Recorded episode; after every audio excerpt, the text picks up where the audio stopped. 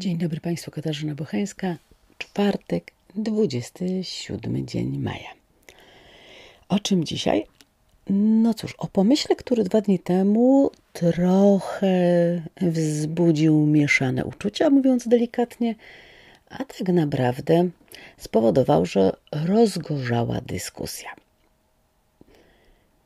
Szanowni Państwo, 1 lipca zaczynają się igrzyska. Tak, tak, nie przysłyszeliście się Państwo. Rusza, Szanowni Państwo, Loteria Narodowego Programu Szczepień. Realizowana podobno będzie przez totalizator sportowy. Mniej więcej, przynajmniej tak obiecują organizatorzy, co dwutysięczna osoba, która będzie się szczepiła, będzie otrzymywała 500 zł. To taka nagroda gwarantowana. Każdy uczestnik będzie miał cztery szanse na wygraną. Co tydzień będą losowane nagrody po 50 tysięcy złotych. Do tego różnego rodzaju nagrody rzeczowe, hulajnogi elektryczne, vouchery na paliwo, vouchery ubezpieczeniowe i tak dalej, i tak.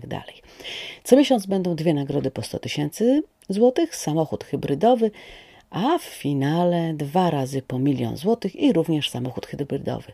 Do tego oczywiście nagrody dla gmin, które będą mieć najwyższy stopień wyszczepialności. Prawda, że brzmi jak bajka? No tak.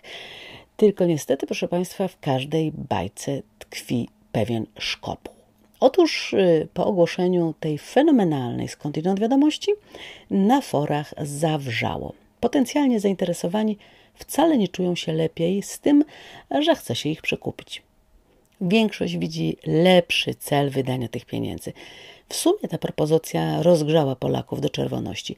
Podzielono znów naród i napuszczono go na siebie – czy nie łatwiej byłoby racjonalnie przekonać, że szczepionki są wiarygodne, że mają sens, a nie tworzyć tylko paszportów, loterii, a potem, szanowni państwo, po tej loterii myślę, że będzie tak, jak on gdzieś w piosence.